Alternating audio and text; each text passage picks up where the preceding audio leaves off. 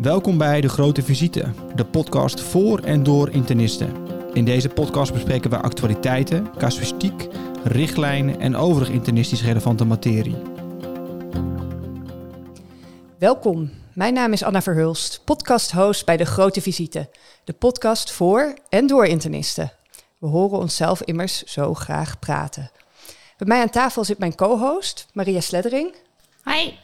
En vandaag ook bij ons aan tafel uh, Oscar Smekes. Welkom Oscar. Jij bent uh, um, voorzitter bij de JNIV. Je bent ook AJOS interne geneeskunde in het Amsterdam UMC. Sinds kort ook collega van mij, want daar zit ik zelf ook. En in opleiding tot internist oudere geneeskunde, als ik het goed begrijp. Ja, we gaan het vandaag met jou hebben over de JNIV. Um, ik denk een begrip wat heel veel AJOS en internisten wel kennen. Maar wat is de JNIV precies en wat doen jullie daar eigenlijk allemaal? Uh, maar ik denk dat het leuk is om even te beginnen met jou als persoon. Um, wat voor iemand ben je en uh, ja, wat voor iemand wordt er voorzitter van de JNIV? Ja, dat is een hele leuke, brede, open vraag. Um, ik zal proberen een beetje te kaderen voor uh, zeg maar de functie ook vooral. Ik denk, um, wat voor iemand wordt voorzitter van de JNIV? Ik denk dat dat een hele persoonlijke invulling altijd is. Dus uh, als, ook als ik terugkijk naar de voorzitters van de afgelopen jaren, dan is dat een, hebben ze allemaal heel erg hun eigen smaak en karaktersterktes naar terug laten komen. Um, voor mij begint dat denk ik bij mijn keuze voor de studie geneeskunde. Uh, want ik uh, kwam van de middelbare school af. En er waren twee dingen die ik eigenlijk ontzettend leuk vond. Uh, het eerste was om heel goed te begrijpen hoe het menselijke lichaam werkt. En dan vooral meer op cellulair niveau doen. En het tweede was um, het luisteren, het adviseren en het leiding geven. Wat je eigenlijk in de bedrijfskundestudie vooral heel erg terugziet. Ik uh, had bedacht, ik ga uh, biotechnologie doen. Ik ga uh, naar life science en technology kijken, biomedisch, bedrijfskunde en dan zoiets wordt het. En toen sprak ik met mijn buren, want die waren biomedici en die zeiden, ja, eigenlijk internationaal helpt het toch wel heel erg als je dokter bent. Dus kijk daar ook eens naar. Dan had ik gelukkig een neef die geneeskunde bij de UvA studeerde. Dus ik zei, um, kan ik met jou mee naar een klinisch college? Ja, en toen zat ik daar, toen viel alles gewoon in één keer op zijn plek. Toen dacht je, ik wil dokter worden. Ja, ik wil dokter ja. worden. Dat zitten, al die facetten die zitten daarin. En het is ook exact die facetten die me zo aanspreken in de interne geneeskunde. Um, dus ja, dat was in één keer duidelijk. Ja. Um, het is eigenlijk wel leuk, want normaal beginnen we deze podcast ook met de vraag: wat was je geworden als je geen dokter was geworden? Maar dat was voor jou dan denk ik biomedicus geweest. Ja. Of uh, ja, nou, hebben die ook gelijk uh, beantwoord. ja. Hey, en daarna heb je gekozen voor de interne geneeskunde. Ja. Ja, kan je nog kort toelichten waarom, waarom interne? Ik bedoel, we begrijpen het allemaal natuurlijk als luisteraars, maar het is altijd leuk om nog even reclame te maken voor je eigen vakgebied.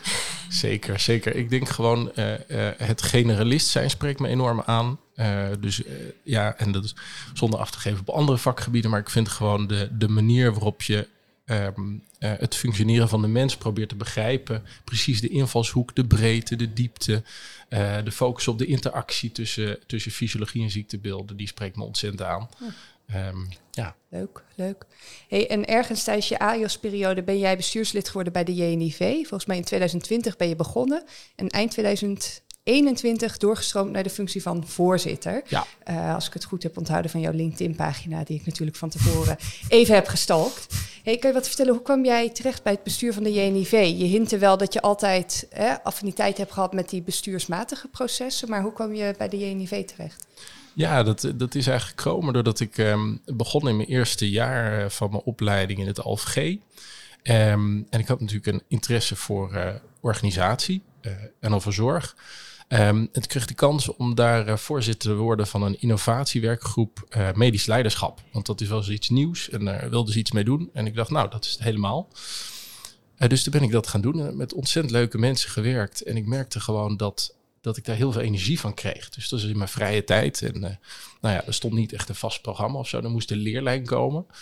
En ik kreeg heel veel energie van. En um, nou, die leerlijn, nou, daarna een differentiatiestage gedaan. Uh, voorzitter geweest van het IELTS-bestuur in het ALVG mijn eerste jaar. En toen kwam er ook een opleidingsvisitatie langs.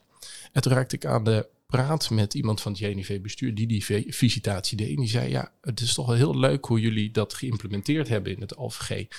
We willen een commissie beginnen zou je daarin willen? Toen zei ik, ja, dat lijkt me een heel goed idee. En zodoende dus in de commissie terechtgekomen. Um, En um, kijk of we dat een beetje kort en bondig kan beschrijven wat er gebeurde in mijn hoofd. Dat ik probeerde af en toe over terug te denken wat, wat ik nou zo leuk vind aan de JNIV, wat, wat me zo enthousiast maakt. En ik denk dat dat heel erg begint bij de mensen zelf, die er actief betrokken zijn. En wat ik eigenlijk heb gemerkt in die commissies en later ook in het bestuur, is um, dat um, iedereen ontzettend intrinsiek gemotiveerd is. Het zijn allemaal high-performing professionals die een soort synergie krijgen uit samen het beter organiseren van die opleiding en dat werk. En ook ontzettend gelijkwaardig met elkaar omgaan. En dat zijn eigenlijk allemaal dingen waar ik energie van krijg. Ja. Um, en nou, dat teruggezien hebbende in die commissies en ook in dat bestuur, dacht ik, nou, oh, dat moet ik ook in dat bestuur. Dat is de volgende uitdagende stap. Um, en dan vervolgens ook in dat voorzitterschap, het natuurlijk een wat andere functie heeft. Je groeit er eigenlijk langzaam naartoe. Hè? Het balletje rolt verder. En wat jij zegt, nou herken ik ook wel. Als je met hele leuke mensen samenwerkt, dan is dat aan zich al motivatie en aantrekkingskracht om ermee door te gaan. Dus uh, leuk om zo het persoonlijke verhaal eens te horen van hoe je daar, uh, hoe je daar terecht komt. Ja, superleuk om zo uh, te horen. En een beetje een vraag van hoe, hoe ziet dat er dan uit in je, in je dagelijkse leven? Hoe combineer je dat met je opleiding? Hoeveel tijd steek je erin? Kun je daar iets over vertellen? Zeker. Het is natuurlijk altijd lastig, er is geen standaard week. Um, het is iets wat ik in mijn vrije tijd doe, in de avonduren. Um, uh, ik, ja, hoeveel tijd ben je eraan kwijt? Dat wisselt heel erg. Ik denk dat dat een beetje... Inmiddels, ik denk als ik gewoon over nu zou moeten zeggen, ik denk dat ongeveer vier uur, vijf uur, zes uur per week kost in de avonduren om het te doen. Het is dus iets wat ik, waar ik heel veel energie van krijg en weinig kost. Uh, en dat is dan ook waarom ik het leuk vind om te doen, wat het de moeite waard maakt. Uh, en het is natuurlijk een ontzettend mooie uh, gelegenheid om heel veel dingen te leren op een gebied wat je heel interessant vindt. Ja. Leuk. Hey, en kan je, kan je wat vertellen over de JNIV? Want we hebben wat meer gehoord over jou binnen de JNIV.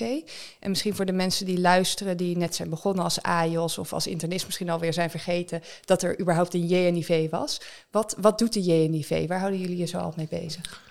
Uh, ja, uh, nou ja, het meest concreet wat ik daarover kan zeggen is natuurlijk de strategische visie. Um, maar misschien goed om heel even kort stil te staan van um, hoe de JNIV georganiseerd is. Want we hebben dus Nederland ongeveer 900 AIOS interne, een enorme grote groep.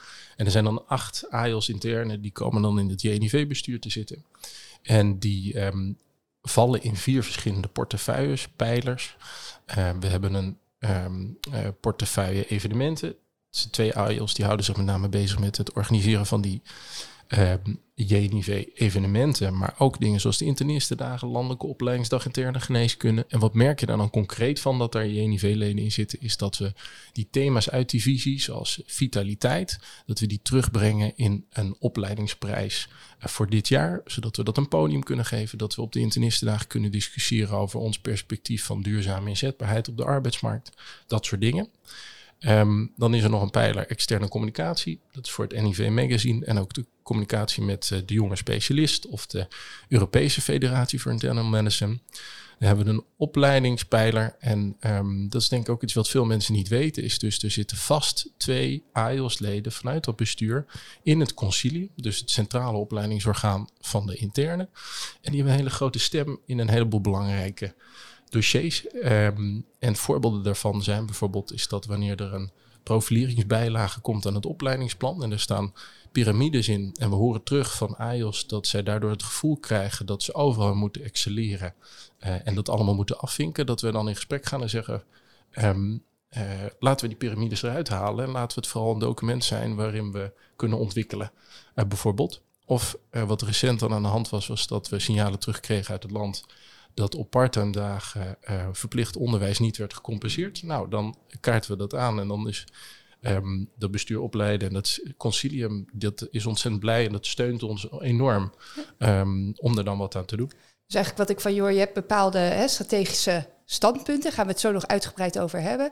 En op verschillende manieren, van evenementen tot PR, tot hè, uh, zitting nemen in commissies of in een concilium, probeer je die standpunten uit te dragen en ook te zorgen dat dat wordt geëffectueerd in beleid, dat er daadwerkelijk wat van komt. Ja. En wat is jouw rol specifiek als voorzitter, behalve de JNIV voorzitten en leiden? Heb je nog andere functies, ehm, bijvoorbeeld binnen de NIV zelf? Of? Ja, dus um, uh, ik zit ook in het NIV-bestuur als vertegenwoordiging van de JNIV. Um, en um, ik denk dat eigenlijk, en dat is dan ook de meest vage omschrijving, maar ik denk dat als voorzitter dat je heel erg moet luisteren naar degene die je vertegenwoordigt. Goed moet blijven bij de kern waar je mee bezig bent. Dus ook de prioritering van je bestuur. Ben je wel echt bezig met wat echt belangrijk is voor je doelgroep. En dan zien we, denk ik, in de afgelopen jaren um, dat de focus naast de opleiding, die ontzettend goed is, dat we de ruimte hebben gekregen door al die mensen die zich zo enorm inspannen, om ons ook meer bezig te houden met wat wij nou vinden van die duurzame inzetbaarheid, die toekomst, de inrichting van ons vak. Nou, dat zie je nu ook weer terug. Ja, leuk. Dus misschien gelijk een goed bruggetje hè, naar het visiedocument wat al even ter sprake kwam. Jullie hebben het visiedocument JNIV 2022 tot 2025, de toekomstbestendige internist in opleiding, hebben jullie gepubliceerd. Misschien kun je ons even meenemen, wat, wat was de aanleiding om zo'n visiedocument op te stellen? Ja, um, nou die, dat zit eigenlijk een beetje in de hele cyclus van de JNIV, want we, um, nou, we hebben gewoon een jaarcyclus. Um, maar elke twee, drie jaar uh, checken we eigenlijk of de visie nog wel klopt. Verandert de wereld om ons heen? Wat vinden wij ervan? En dat is dan de leidraad voor de komende twee, drie jaar. Het is eigenlijk een route naar de ideale top. En dat zie je ook een beetje in die introductie staan. Die ideale top voor ons nu is vooral dat we ernaar streven dat alle uh, jonge internisten uh, tussen haakjes in opleiding passievol en vitaal hun werk kunnen doen. Want dan kunnen ze de beste zorg leveren voor iedereen. En dan pas is het ook echt toekomstbestendig. Um, Oscar, wat misschien leuk is, hè, want dat visiedocument, uh, uh, nou ja, dat, dat heeft best wat om handen. Maar om er eens even wat thema's uit te halen ter toelichting. En ik dacht, wat leuk is, laten we een AJOS nemen en die als het ware volgen in de opleiding, in de loopbaan. Um, en daar wat thema's bij bespreken. Ja, en dat betekent, dat begint voor iedereen met die sollicitatie om de opleiding binnen te komen. Ik weet nog wel hoe zenuwachtig ik was. Jij, Maria? Oh, vreselijk was dat. Ja. De hele dag zenuwpezen. En dan gelukkig voor mij, ik weet niet of het bij jullie was, meteen aan het eind van de dag dan dat verlossende wordt. Dat je ja. Ja. grootste droom werkelijkheid werd. Ja, precies. Mooi. Nou ja, en zo'n sollicitatiecommissie heeft natuurlijk ook best een klus, hè, met vaak veel sollicitanten die internist willen worden. En ja, daar begint de selectie eigenlijk van de toekomstige internisten. Um, en daar hebben jullie ook een bepaalde visie op, hoe dat dat uh, het beste kan. Zeker. Ja, dus um, um, uh, wat ons idee daarover is, is dat we um, eigenlijk een zo divers mogelijk palet willen hebben aan medisch specialisten, omdat we denken dat die diversiteit mooi is en omdat je daar ontzettend veel kan, van kan leren. En dan bedoelen we dat ook in de meest brede zin. Um, dus in leeftijd, in levenservaring, in persoonlijkheid. Um, en ik denk dat daar wel altijd centraal staat, is dat die intrinsieke motivatie, die passie voor dat vak. Uh, dus de motivatie om de juiste reden eigenlijk centraal staat. En dan binnen dan die uh, diversiteit. Ja, en om dat even concreet te maken, want het is natuurlijk heel leuk als je op zo'n sollicitatieprocedure komt en daar komt zeggen, nou, ik ben lekker mezelf en ik wil internist worden. Wij weten uit de praktijk ook dat je toch iets moet meebrengen en dat dat van oudsher heel erg is. Hè? Wetenschap, gepubliceerd zijn of uh, uh, gepromoveerd zijn en dus ook gepubliceerd zijn. Um, en dat er ook andere dingen zijn. Hè? Sommige mensen die excelleren in topsport of in iets bestuurskundigs. Um, hoe zorg je nou dat je daar diversiteit in krijgt? En is het, zijn het dat soort thema's of is het diversiteit nog breder? Um, ja, dat is een goede vraag. Um, ik denk dat je daar op allerlei manieren invulling aan kan geven. We hebben een commissie diversiteit die heel erg nadenkt nu in het specifiek over hoe we de sollicitatieprocedure in één academisch centrum daarop meer kunnen richten. Ik heb voorbeelden gezien in het land van verschillende smaken. Dus bijvoorbeeld bij de gynaecologie in Amsterdam anonimiseren ze alles. Dus ook de voorgeschiedenis. Echt, je krijgt alleen, nou, je, ik twijfel of je zelfs een naam te zien krijgt. Met voorgeschiedenis bedoel je de medische oh, carrière? ja, de, de, medische carrière. Oké, okay, okay, niet de medische ja, voorgeschiedenis. Ja. Nee, nee, nee, inderdaad, nee, het cv bedoel ik eigenlijk. Want, want dat is natuurlijk, dat is je... Je hebt dan alleen een brief, bedoel je, een motivatiebrief? Ja. Ja, Dus okay. je hebt alleen okay. een motivatie. Dus hoeveel uh, ja, bestuurskundige taken tijdens je studie, buitenland, uh, vrijwilligerswerk en dat soort dingen, dat, dat weet je dan dus nog niet op het moment dat je die brief uh, nee. leest. Ja, dat staat er misschien deels in, maar het is niet zo'n nou ja, lijstje met punten die je afvinkt. Ja, dus ze hebben dan en wat volgens mij de kern is, als ik het goed vertel, is dat ze hun procedure enorm hebben gestandardiseerd. Waarbij je eigenlijk telkens met scoresystemen werkt, zodat je zo objectief mogelijk bent. En dan stapje voor stapje alle onderdelen uh, zo uh, zo, zo min mogelijk beïnvloed invult. Ja. Dat is natuurlijk nog niet hoe het gaat bij de interne geneeskunde, toch? Dat, voor zover ik weet, is dat redelijk klassiek uh, een aantal gesprekken en een cv en een motivatiebrief aanleveren. Is, moet dat veranderen, die, uh, die sollicitatieprocedure? Ja, dat denk ik wel. En ik denk dat het ook al um, dat, dat het ook wel gebeurt al op heel veel plekken als ik dat zo hoor. Um, dat het ook op heel veel plekken al gebeurt. En die commissie is er nu met name om te kijken van welke smaak nou het best past. En ik kan me ook voorstellen dat elke regio daar ook weer een eigen stem in heeft natuurlijk. Of, want het moet ook passen bij het ziekenhuis of de regio zelf.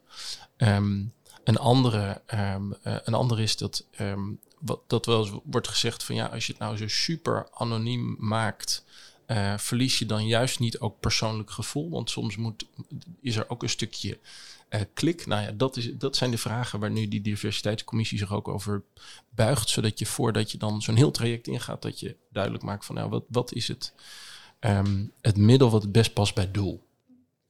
Ja, ik denk dat het heel belangrijk is hè, dat we allemaal streven naar een diverse ja, populatie aan internisten, zodat collega's zich herkennen in de groep, maar ook patiënten zich uh, herkennen in de groep. Denk je ook dat het kiezen van de sollicitatiecommissie in een ziekenhuis daar nog aan kan bijdragen? Ik denk namelijk wel, en dat is dan niet bewust of met kwade opzet, maar ik denk dat in de wat oudere generatie, die misschien nog vaak in die sollicitatiecommissies zitten, de diversiteit wat minder is misschien. En volgens mij weten we wel dat uh, je toch sneller ja, impliciet geneigd bent iemand te kiezen die een beetje op jou lijkt.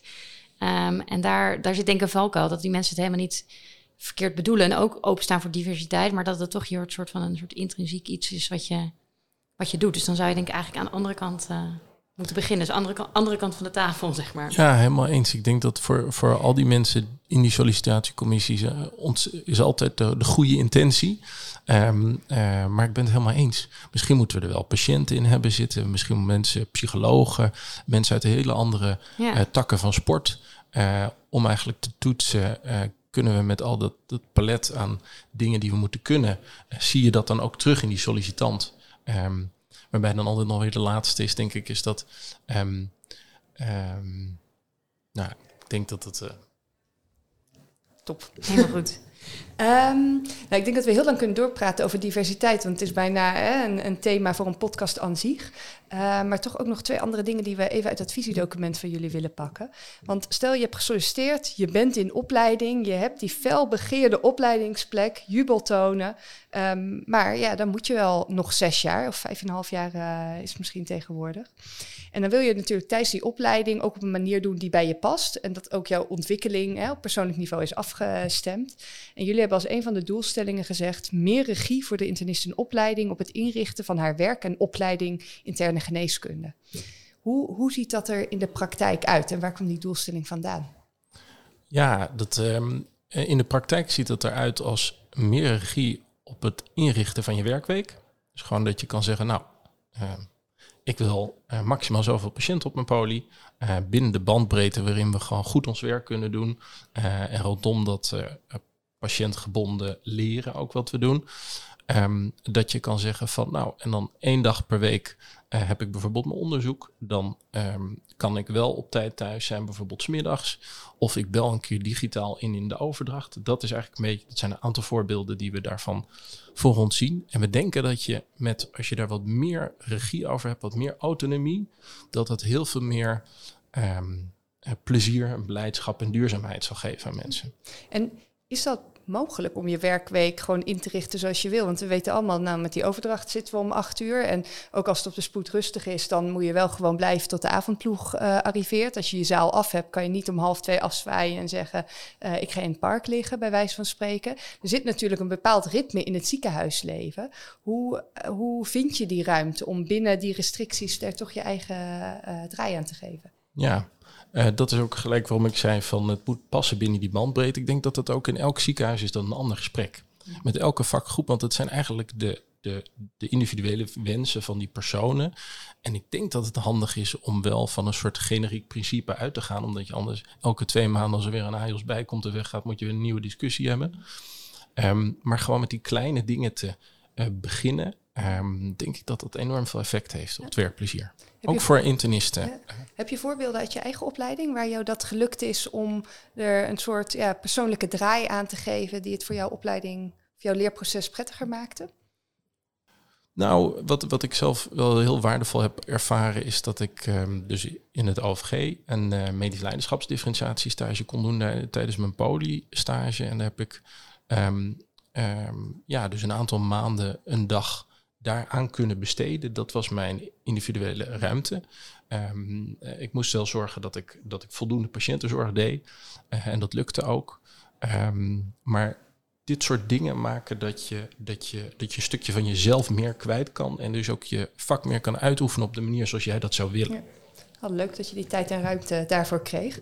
Ik denk dat we opnieuw op een onderwerp zitten wat een hele podcast aan zich waardig is. Zeker. Ja. Ehm, maar we willen toch ook graag nog wel even naar het, hè, een beetje het staartje van de opleiding en daarna. Want op een gegeven moment heb je, je bent in opleiding gekomen, je hebt dan die opleiding hopelijk hè, op een manier afgerond die bij jou past, waarop je jezelf op een goede manier hebt kunnen ontwikkelen. En dan wil je wel graag een baan.